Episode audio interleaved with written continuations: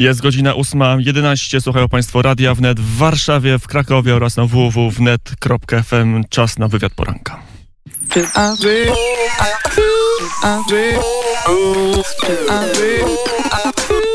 Wywiad wnet. A gościem poranka wnet jest Borys Budka, przewodniczący Platformy Obywatelskiej. Dzień dobry, panie pośle.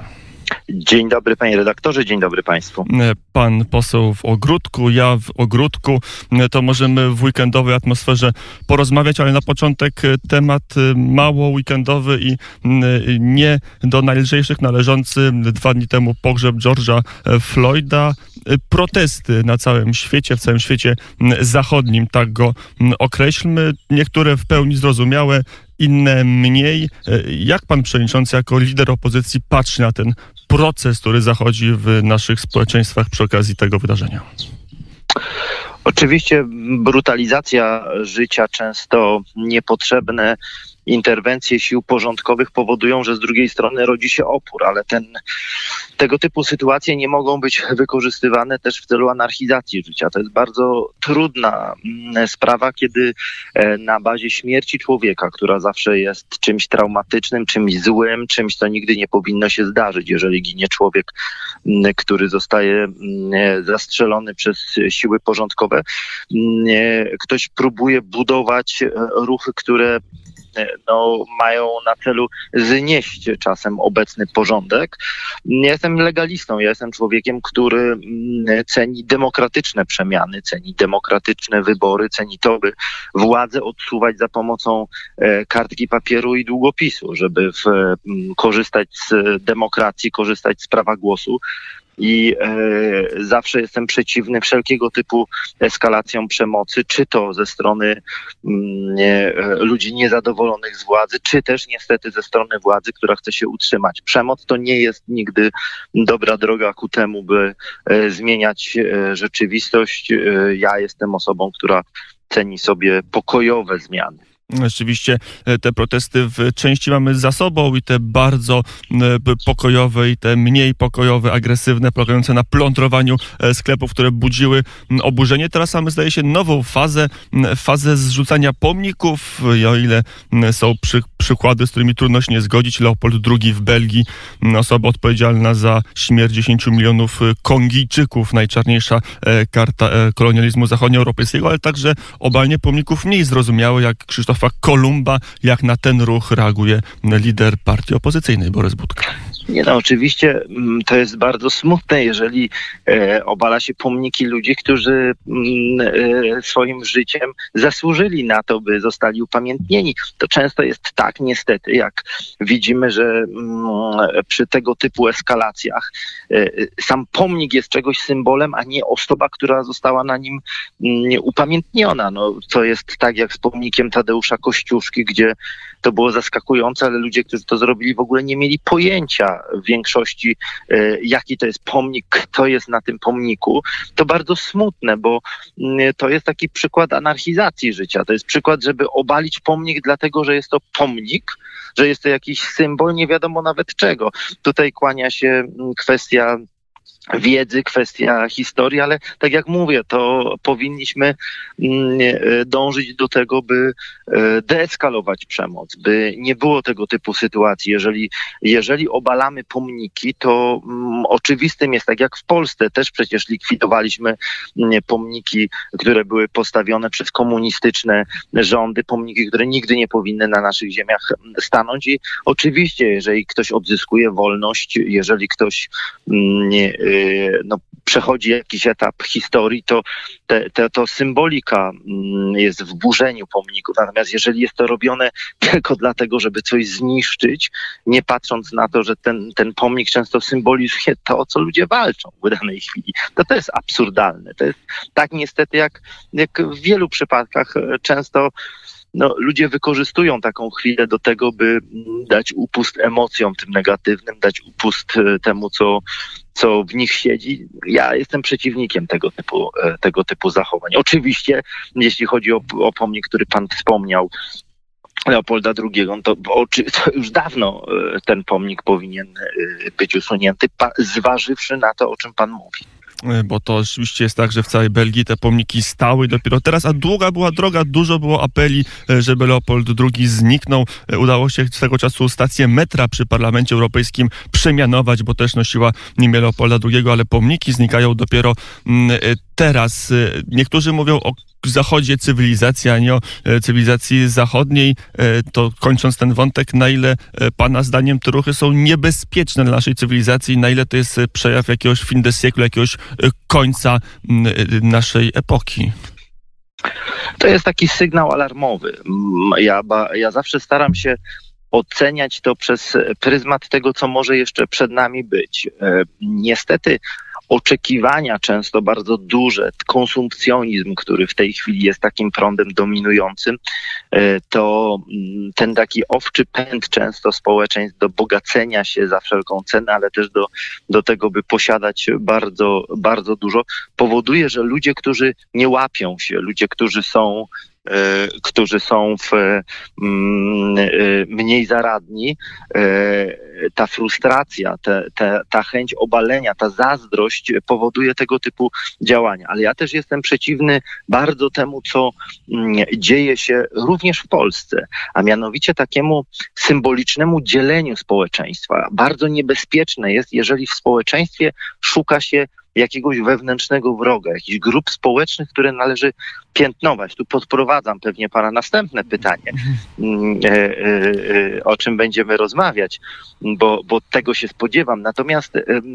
no, tak jak pamięta Pan redaktor, rewolucję komunistyczną w Chinach, e, kwestie e, właśnie rewolucji później kulturalnej, ale też przeciwstawianie się mm, tak zwanym elitom. To jest bardzo, bardzo symptomatyczny w, e, tam, gdzie próbuje się podzielić społeczeństwa, że znajduje się kogoś, kto ma być tym, tym wrogiem. I to nigdy nie przynosi nic dobrego, bo powinniśmy budować wspólnotę, powinniśmy e, dążyć do tego, żeby nie kosztem czyimś bogacić się czy, czy budować swoje kariery, ale żeby jak najwięcej osób korzystało z przemian, korzystało z, ze wzrostu gospodarczego i nikogo nie wykluczać, nie przeciwstawiać jednemu mm, e, jednej grupy drugiej. O tym mówił Jan Paweł II mm, e, wielokrotnie, przeciwstawiając właśnie te, te podziały społeczne takiej solidarności, solidarności przez małe S. My zapominamy o tej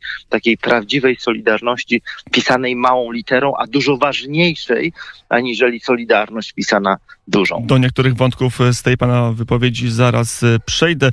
Przy telefonie poranka wnet Borys Budka, przewodniczący Platformy Obywatelskiej, mm, ale zanim, zanim do nim wrócę, jeszcze jedno pytanie mm, o, o nasz wymiar. Sienkiewicz to jest element, który zawsze wraca przy takich mm, elementach w pustyni i w puszczy. Usunąć z kanonu lektur, czy nie usunąć stanowisko pana posła jest jakie?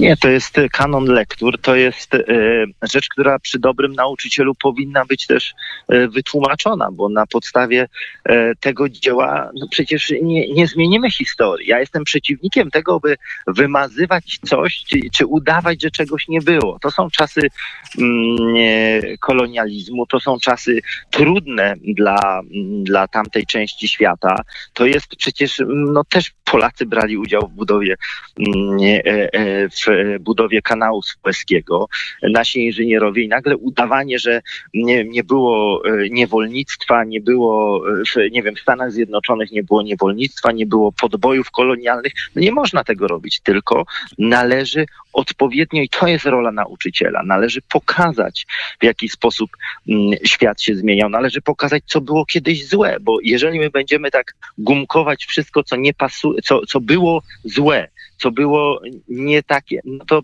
to nigdy się młode pokolenie nie dowie, jak być lepszymi, z czego, z czym, z czym co nie powinno nigdy wrócić. Więc Jeżeli ja będzie pan tak... kiedyś premierem, przyjdzie minister edukacji z e, pana w pana gabinecie i powie, wyrzucamy tego Sienkiewicza, to pan e, przewodniczący powie chwileczka. Nie, ja bym, ja bym zostawił Sienkiewicza. Jestem osobą, która, e, która jest za tym, by nie, nie udawać, że czegoś nie ma, natomiast z dobrym wprowadzeniem przez nauczycieli, z pokazaniem, z pokazaniem tego wszystkiego, to i uważam, że wtedy nie ma, nie ma problemu. Mm, pierwszy etap kampanii. Jego zakończenie ogłosił dwa dni temu Rafał Trzaskowski. Jak pan przewodniczący ocenia ten pierwszy etap prezydenta Warszawy w kampanii? Bardzo dynamiczna kampania, zbieranie podpisów, rzecz niebywała. Ja e, zbierałem podpisy jeszcze, gdy byłem nastolatkiem, pomagałem e, e, różnym, e, różnym politykom, ale czegoś e, takiego nie przeżyłem. Ludzie, e, wyborcy tak bardzo chcieli oddać swoją, nie tylko swój podpis, ale karty drukowali sami, zbierali podpisy. To były osoby zarówno młode, które się angażowały, ale też osoby, które E, e, no, miały powyżej 80 lat, które przychodziły do, do sztabów, przynosiły kartkę papieru, mówiły, myśmy zebrały wśród sąsiadów, to jest nasz wkład w tą kampanię. Konkludując, wyliczyliśmy 400 tysięcy. 400 tysięcy podpisów dziennie do, zbieraliśmy na Rafała Trzaskowskiego. To jest absolutny rekord mm, w historii polskiej polityki i wierzę w to, że to jest dobry sygnał do tego, jak zakończą się wybory prezydenckie, jaki będzie rezultat. E, dlaczego tak się dzieje, że przy, przy okazji kampanii pani marszałek Kidawy-Błońskiej nie było takiej energii społecznej, a teraz ona się objawiła? Inny typ kandydata, ale też inna sytuacja, w której jesteśmy. Wtedy, gdy rozpoczynaliśmy kampanię mm, e, prezydencką, to był jeszcze spokojny czas. Podpisy zbieraliśmy wszyscy bardzo spokojnie, zebraliśmy ich kilkaset tysięcy mm, bez żadnego pośpiechu. Przygotowywaliśmy się na długą kampanię wyborczą, rozkładaliśmy siły jak jak w dobrym biegu, a teraz okazało się, że ta kampania będzie bardzo szybka, bardzo dynamiczna i, i stąd chyba też taki entuzjazm ludzi. Wiedzą, że jest bardzo mało czasu.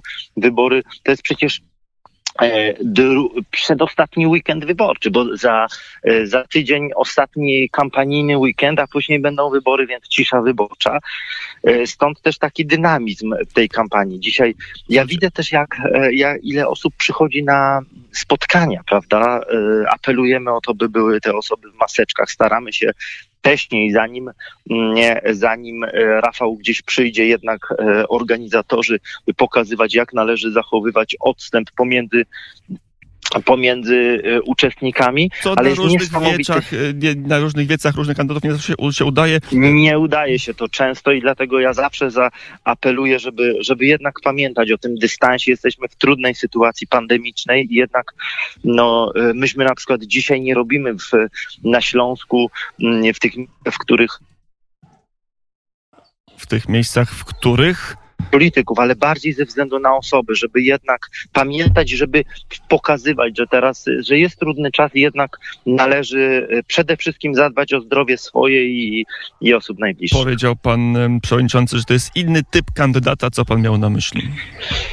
E, Rafał Trzaskowski jest samorządowcem. Dzisiaj walka toczy się o to, jak będzie Polska skonstruowana po tych wyborach. Czy będzie model, który, do którego zawsze dążył Jarosław Kaczyński, czyli model takiej centralistycznej Polski z silną władzą w Warszawie i na wzór węgierski, z absolutnym spacyfikowaniem samorządowców, z wielkimi centralnymi inwestycjami, jak w epoce słusznie minionej, których ludzie nie rozumieją, często nie chcą, a służą władzy dla, dla celów propagandowych, czy tak jak mówi Rafał Trzaskowski, Polska samorządna, Polska, w której inwestycje lokalne kształtują rynek pracy, inwestycje lokalne dają nadzieję, e, inwestycje lokalne często są tym kluczem do dobrobytu, mm, do tego, by mm, w czasach trudnych e, dać ludziom pracę, by to ludzie decydowali na dole, czy na co przeznaczane są ich pieniądze. I Rafał e, po tym ponad roku mm, pracy w samorządzie jest takim symbolem dla samorządów i mnie bardzo cieszy jako przewodniczącego partii, że w wielu miejscach do tej kampanii, czy w tą kampanię angażują się E, samorządowcy bez legitymacji partyjnej. Oni wiedzą, że e, ci z doświadczeniem bardzo długim, ci, którzy na samorządzie zjedli, pal, e, zjedli zęby, zęby no jednak, że to jest, to jest takie zderzenie dwóch wizji Polski. Ja jestem osobą, która bardzo ceni mm, lokalność, podmiotowość y, samorządów, to, że tutaj, ja byłem 9 lat samorządowcem, radnym, przewodniczącym Rady Miasta i wiem, że władza w Warszawie, bez względu na to, kto ją nie sprawuje, bez względu na to, czy jest to ta czy inna opcja, jednak nie rozwiązuje wszystkich problemów. Natomiast samorządowcy często bardzo dobrze zastępują tę władzę, uzupełniają, wypełniają. Pojawia I, się, e, o, to panie przewodniczący, istotne pytanie, bo to jest rzeczywiście chyba jedna z głównych osi sporów tej kampanii wyborczej, te dwie e, wizje Polski. E, Rafał Trzaskowski z lokalnymi centrami rozwoju i Andrzej Duda z dużymi inwestycjami infrastrukturalnymi, e, w tym na, na czele Centralny Port Komunikacyjny. Na ile pana zdaniem i w państwa filozofii uda się utrzymać status Polski w coraz bardziej globalnym rynku? Mimo wszystko, mimo pandemii, on pewnie e, będzie postępował, pewna globalizacja. Na ile wygrywać w tej globalizacji na, na podstawie tych lokalnych centrów rozwoju, które nie bardzo wiadomo czym mają być, bo e, Rafał Trzaskowski mówił, że tam może być albo sala komputerowa, albo dom dla seniorów, albo centrum lingwistyczne, taki trochę kod w worku. Przede wszystkim e, my wsłuchujemy się w głos ludzi. Proszę zapytać, e, o tym mówią też badania, że mm, Polacy nie oczekują pomników, które władza buduje sama sobie. Polacy oczekują tego, by władza była skuteczna, by zapewniała te, mm, te podstawowe, realizację podstawowych potrzeb. I ja mm, widzę, jak wiele inwestycji nie zostało zrealizowanych przez ostatnie pięć lat. Dlaczego? Ze względu na niekompetencje albo brak decyzyjności. Proszę zobaczyć na kwestię dróg. Myśmy, my pokazaliśmy na przykład w m, tak zwanych schetynówkach, bardzo dobrym projekcie dróg lokalnych, jak można skutecznie doprowadzić do współpracy administracji rządowej, administracji szczebla samorządu województwa, czyli regionalnej i gminnej, lokalnej. I stworzyliśmy sieć dróg, które rąd nazwanych od, od e, nazwiska Grzegorza Schetyny, mojego poprzednika, schetynówkami. Orliki. I szorstkiego przyjaciela ostatnio. system, system y, orlików. Tak samo, ale co oprócz tego, że są to inwestycje lokalne, to jeszcze pokazujemy mechanizm, że bardzo dobrze jest, jeżeli administracja centralna współpracuje z samorządem, jeżeli są to wspólne inwestycje. To jest coś, co daje ten y, też takie, to jest takie koło zamachowe dla lokalnej przedsiębiorczości. I teraz pan zadaje kluczowe pytanie, pytanie, na które nikt z nas chyba nie zna odpowiedzi. Jak będzie kształtował się świat po pandemii? Jak należy przezwyciężyć kryzys, który już w tej chwili puka do drzwi mm, wielu, wielu gospodarek światowych. Ja jestem wielkim zwolennikiem współpracy, współpracy międzynarodowej, europejskiej. Dla nas oczywistym jest to, czego tak bardzo, czego tak bardzo nie rozumieją nasi adwersarze po drugiej stronie, współpraca z Niemcami, które są największym rynkiem zbytu dla naszych, mm, y, dla naszych produktów. Współpraca w Unii Europejskiej. Bezpieczeństwo musi być oparte na dwóch istotnych elementach.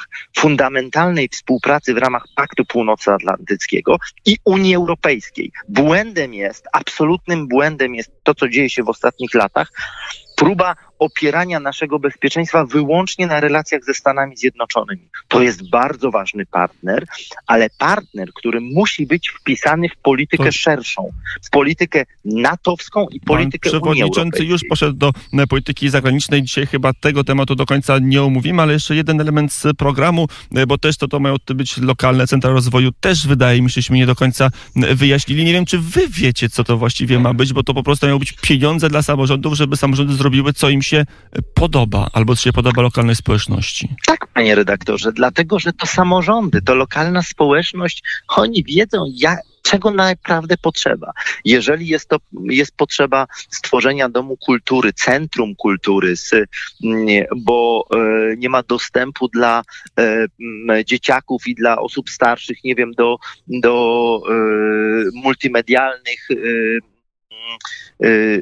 rzeczy. No, to czy to będzie centrum związane, mm, centrum przesiadkowe związane z mm, uruchomieniem y, infrastruktury y, mm, do przewozu osób, czy to jest y, kwestia związana z inwestycją w y, służbę zdrowia. Znaczy, jest wiele takich rzeczy, tylko i tu pan dotyka swoimi pytaniami, dziękuję bardzo, istoty.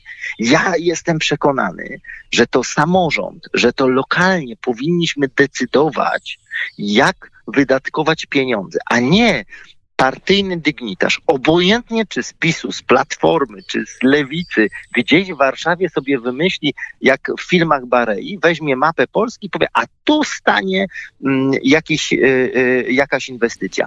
Wie pan, panie redaktorze, A wie pan, przewodniczący, jak powstawała dzieje... Łódź? Ostatnio w Pabianicach był Rafał e, Trzaskowski. Jak powstało to miasto, które było perłą w koronie polskiego przemysłu? Przyjechał urzędnik księstwa warszawskiego i wytyczył ulicę w Szczerym Polu i powiedział tu stanie największe miasto e, przemysłowe w Królestwie Kongresowym i stanęło i pracowało i było źródłem dochodu dla e, Polski. Także Królestwo Kongresowe e, było najbardziej uprzemysłowioną częścią imperium rosyjskiego, a potem także istotnym elementem odbudowy Polski, bo tak też się buduje gospodarkę, że bierze się mapę i patrzy się, Polska to jest okrągły kraj, jeden z najbardziej okrągłych krajów na świecie, trzeci pod względem tego wskaźnika i warto po środku postawić duże lotnisko i tam doprowadzić kolej, bo to będzie koło zamachowe e, do współczesnej pana, globalnej gospodarki. Zapraszam pana redaktora tuż obok, u mnie y, obok Gliwic, niedaleko gmina Mikołów, e, Zagłębie, e, to miasto Sosnowiec. Wie pan, jak tam wytyczono tą trasę?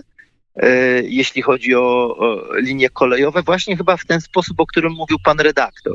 To znaczy, e, na przykład, o ile się nie mylę, w Sosnowcu trasa ma podzielić kościół na pół, e, ma tak biec. W Mikołowie wielkie protesty, bo nikt nie wziął pod uwagę tego, że trzeba przesunąć coś o, o kilkadziesiąt czy kilkaset metrów. To, co dzieje się, to jest parodia inwestycji. I to trzeba pokazywać. My, y, co w tej chwili mamy? Mamy do czynienia z łąką, której pilnują funkcjonariusze partyjni, którzy dostają kilkadziesiąt tysięcy złotych miesięcznie. No bo przecież nawet dobór ludzi, którzy mają się zajmować CPK, z całym szacunkiem dla mojego parlamentarnego kolegi, pana Marcina Chorały, to on ma takie doświadczenie w tego typu inwestycjach. Tylko, jak, że on ją jak... prowadzi, on jest tylko pełnomocnikiem rządu i zapewnia pewne polityczne wsparcie i parasol nad ustawami E, w I Sejmie, właśnie to sam... jest ten problem. A... I to jest ten problem, panie redaktorze, że tu znowu politycy się za coś biorą. To tak jak Sasin, pan minister Sasin, pan premier Sasin, był politycznym nadzorcą zrobienia wyborów, na które wy, wyrzucono 70 milionów. Znaczy, jeśli ktoś jest niekompetentny, to on jest w stanie wszystko obrócić w perzynę. Ja mówiłem o tym na tym przykładzie. 100 milionów wydaliśmy na referendum Bronisława Komorowskiego, gdzie e, wzięło udział 7% e, uprawnionych do głosowania. Wielki też, błąd, absolutny, też absolutny Nie były to najlepiej zainwestowane pieniądze w historii budżetu. Ale dobra, Polski. tylko jaka jest różnica, panie redaktorze? Tam... Referendum się odbyło, a to, co Sasin zrobił, do tego nie doszło do skutku i lepszy numer. To mu nasi słuchacze muszą wiedzieć. Jeszcze później mówiono, że to jest wszystko mm, y, wina opozycji, ale to o ile się nie mylę, przynajmniej z tego co ja wiem, to w piątek przed wyborami było spotkanie w Pałacu Prezydenckim, czy w sobotę przed wyborami. I później przecież, y, y, zresztą w czwartek trwała debata prezydencka, a wyszedł pan minister Gowin, pan Jarosław Kaczyński, powiedzieli, że wybory się nie odbędą. No to tak naprawdę to minister Sasin coś, coś musi uzgodnić wersję. Na kogo chce zwalać? Czy na Jarosława Kaczyńskiego i Jarosława Gowina?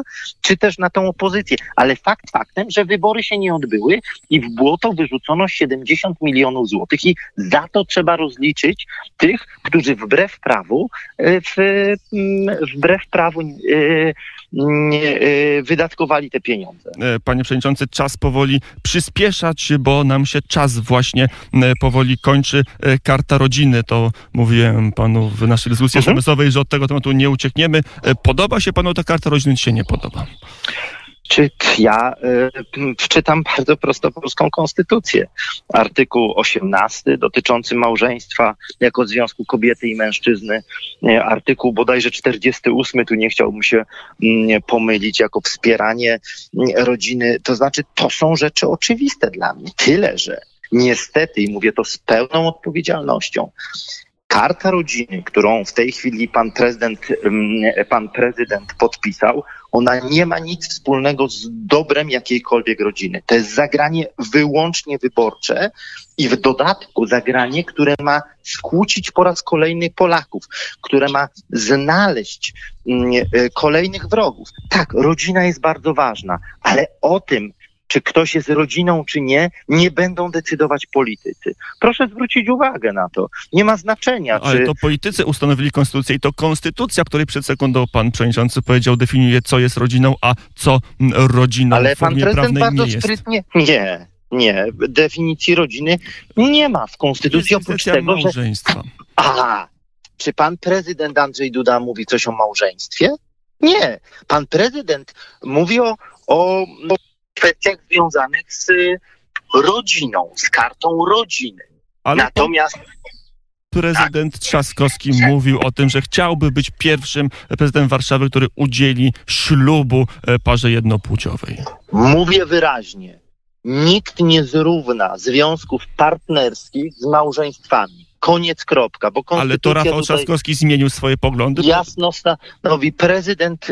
y, Ja nie, raz jeszcze mówię, dzisiaj to, co robi pan prezydent Duda, jest paniczną ucieczką od rozmowy o problemach Polaków. Ale Dzisiaj wymyśla się, dzisiaj się wymyśla tematy zastępcze. no, pewną panikę wczoraj mogliśmy zaobserwować u polityków Platformy nad y, y, wydarzeniem tęczowe disco polo przed pałacem. Różni politycy i sympatycy Platformy Stanie- mówili, to prowokacja w stalinowskim stylu, tak mówił Paweł Rabiej, wiceprezydent Warszawy. No nie była to prowokacja, ale strasznie, że się się przestraszyli, że to może e, pewne e, emocje obudzić w społeczeństwie. Bo po raz kolejny, ja bym, gdy spotkam prezydenta Dudę, jak będzie taka okazja, ja go zapytam, czy naprawdę nie jest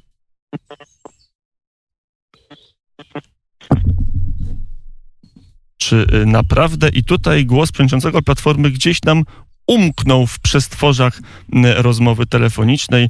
Y, Borys Budka jest Ani wicepołudniowym. ludzi młodych mamy do czynienia, dlatego że są zaszczuci, próbują odnaleźć swoją tożsamość, mają problemy z samym sobą i e, zamiast pomocy jest olbrzymie szczucie na nich. Nie wolno tak robić. Prezydent Rzeczpospolitej to nie może być osobą, która w taki sposób wykorzystuje sprawy światopoglądowe. To- I tutaj moim zdaniem to, co robi pan prezydent Andrzej Duda, dyskwalifikuje go jako prezydenta. On ma być prezydentem wszystkich Polaków, a nie tylko tych, którzy wpisują się w jego system wartości. Bo prezydent A czy ma- Rafał Trzaskowski jest prezydentem wszystkich warszawiaków? Czy może pan przewodniczący wymienić jakąś inicjatywę pana prezydenta Trzaskowskiego, która by wychodziła wprost do osób o bardziej konserwatywnych poglądach? Ale prezydent nie jest od tego, by zajmować się światopoglądem, tym czy innym. Prezydent jest od tego, by zaspokajać potrzeby mieszkańców. Udział w Paradzie Równości jest jednak zapewnianiem wpły- wpływu czy odpowiadaniem na jakieś e, postulaty pewnej grupy światopoglądowej. Nie ma A czegoś Rafał takiego jak jakaś ideologia LGBT. To Tego nie coś, powiedziałem. co Pan wytworzyli przewodni- ludzie, pan którzy Przewodniczący próbują wepchnąć tę wojnę A światopoglądową. ja chcę się Powiem dowiedzieć, tak. czy państwo nie farbujecie Rafała Trzaskowskiego w tej kampanii na osobę centrową, podczas gdy jest to osoba na e, polskie warunki o liberalnych poglądach, nawet bardzo. E, Rafał jest e, liberalną osobą, jeśli chodzi o, poglądy gospodarcze, ale jest bardzo otwarty również na kwestie związane z pomocą społeczną. Proszę zwrócić uwagę, miejsce w żłobku, miejsce w przedszkolu nie ma ideologicznego podtekstu. Tak samo osoba o konserwatywnych poglądach znajdzie to miejsce, jak i osoba o liberalnych poglądach. Ostatnia Nie, jeżeli- kwestia, a wykluczenie duchownych z opłatka w Warszawskiej Radzie Miasta, gdzie macie bezwzględną większość. W zeszłym roku odbył się pierwszy opłatek, na którym nie można było zaprosić osoby duchownej. W poprzednich latach z rządów e, Hanny Ronkiewicz-Walc byli e, wszyscy duchowni, także e, obrządków niechrześcijańskich. Teraz e, pan Trzaskowski, pani Grupińska i pani Diduszko-Zyglewska zakazały. To jest Szczerze jasny mówiąc, ja byłem przewodniczącym Rady Miasta. Nie, nie miałem z tym problemu, aczkolwiek zawsze mam problem, jeżeli ktoś próbuje zamiast m, zajmować się kwestiami związanymi z zarządzaniem, zajmować się rzeczami, które powinny być zostawione mm, swojemu sumieniu. Dla mnie opłatek jest, prawdziwy opłatek jest w gronie najbliższych. Dlatego spotkania świąteczne, które ja organizuję, staram się organizować w, w, jako e, tak jak, e, tak jak e, wypada przedstawicielowi jakiejś władzy w charakterze świeckim. Natomiast jeżeli ktoś chce, to powinien uczestniczyć w mm, tych wszystkich wydarzeniach religijnych, ale nie jako urzędnik, nie jako prezydent. My powinniśmy wreszcie Ale zacząć to jest- oddzielać pewne kwestie. Na I- ile to jest coś złego, jeżeli część radnych mówi, my chcemy osoby duchowne, a większość mówi, nie macie do tego prawa, bo jesteście w mniejszości, bo tak to wyglądało, bo w Warszawie jest takie laboratorium, studium przypadków, jak, e, jak Platforma sobie trochę Polskę wyobraża, nie uważa pan przewodniczący? My wyobrażamy sobie Polskę jako kraj równych ludzi, jako kraj ludzi, którzy nie będą piętnowani tylko dlatego, że żyją w nieformalnym związku albo kochają kogoś. Albo chcą e, zaprosić osobę duchowną na Wigilię. Znaczy, jeżeli ktoś chce, e, to e, ratusz, państwo, nie, mamy konstytucyjne zasady świeckiego państwa. Ja jestem wielkim przeciwnikiem tego, by do, e, w organizacji imprez, które mają charakter świecki, na siłę e, mm, budować kwestie związane z tą czy inną religią, światopoglądem. I u nas niestety jest tak, ja na przykład nie rozumiem tego. Dla mnie jest rzeczą niebywałą, jeżeli otwiera się windę w szpitalu, robi się otwarcie inwestycji i tam mm, uczestniczą i głównym punktem są obrzędy religijne związane na przykład z poświęceniem takiej windy. Dla mnie to jest po pierwsze, to wykrzywia nawet kwestię religijności. Dla mnie w, niestety później odbierane jest to tak, że jest to z krzywdą dla kościoła, że jest to z krzywdą dla danej instytucji. Jeżeli radni chcą uczestniczyć w y, obrządkach y, religijnych, to nikt im tego nigdzie nie zakazuje. I w Polsce nikt nie będzie zakazywał niczego, jeśli chodzi o praktykowanie religii, bo to jest bardzo ważny element. Większość Polaków jest katolikami, muszą mieć zagwarantowane zgodnie z konstytucją prawo do, mm, do e, tego, by uczestniczyć w tego typu obrządkach. I ja to, no, to jest oczywiste. Tylko należy pamiętać, że nie można w tak skrajnie cyniczny sposób, jak robi to obecna władza, wykorzystywać Kościoła katolickiego do kwestii propagandy partyjnej. No przecież jeżeli ja słyszę od ludzi, na, szczególnie na ścianie wschodniej, że proboszcz potrafi na kazaniu powiedzieć, na kogo ma się głosować, y, proboszcz potrafi napuszczać jednych na drugich, tak nie może być. Jeżeli hierarchowie kościoła, niektórzy potrafią w sposób ewidentny angażować się w życie polityczne, znaczy no to niech zrzucą sutanny i idą do parlamentu. I Pamiętam, to jest jak- największą hipokryzją. To jest największą hipokryzją. Kościół katolicki odegrał olbrzymią rolę w tym, że w Polsce upadł komunizm. Kościół katolicki w znacznej części odegrał bardzo pozytywną rolę, jeśli chodzi o zjednoczenie Polski z Unią Europejską. Pamiętam głos Ojca Świętego w tym zakresie, pamiętam głos większości hierarchów, ale niestety są też ludzie, To są też tacy hierarchowie, którzy puenta, absolutnie musimy zajmują się kończyć. polityką, a nie drugi raz pan przewodniczący się e, odniósł się do Jana Pawła II. W zeszłym roku chciano przyjąć w Radzie Warszawy uchwałę, która by m, wspomniała 40. rocznicę, uprawniła pielgrzymkę pierwszą Jana Pawła II do ojczyzny. Platforma Obywatelska była przeciwko. E, I No to, ale to jest decyzja. I widzi pan, czym się różnimy. Przewodniczący partii nikt, ża- żadnemu radnemu nie będzie narzucał kwestii światopoglądowych. W PiSie przyszłaby dyrektywa i nawet jak ktoś by miał inne zdanie, musiałby zagłosować. A ja mówię wyraźnie. Mamy wolność sumienia. Nikomu nic, niczego nie będę w tej kwestii nakazywał, zakazywał. Radni, samorządowcy, to jest istota samorządu, że podejmują samodzielnie decyzje w kwestii nazw ulic, w kwestii uchwał okolicznościowych i żadnych dyrektyw z centrali nie będzie. I tym się różnimy od PiSu, panie redaktorze. I świetnie pan to na koniec wyłapał. e, powiedział Borys Budka, przewodniczący Platformy Obywatelskiej. Panie przewodniczący, zagadaliśmy się. Dziękuję bardzo za rozmowę i do usłyszenia. Bardzo dziękuję i dobrego dnia dla pana i oczywiście naszych słuchaczy. Mm, Dziękuję bardzo. 8.44, teraz e, czas na piosenkę.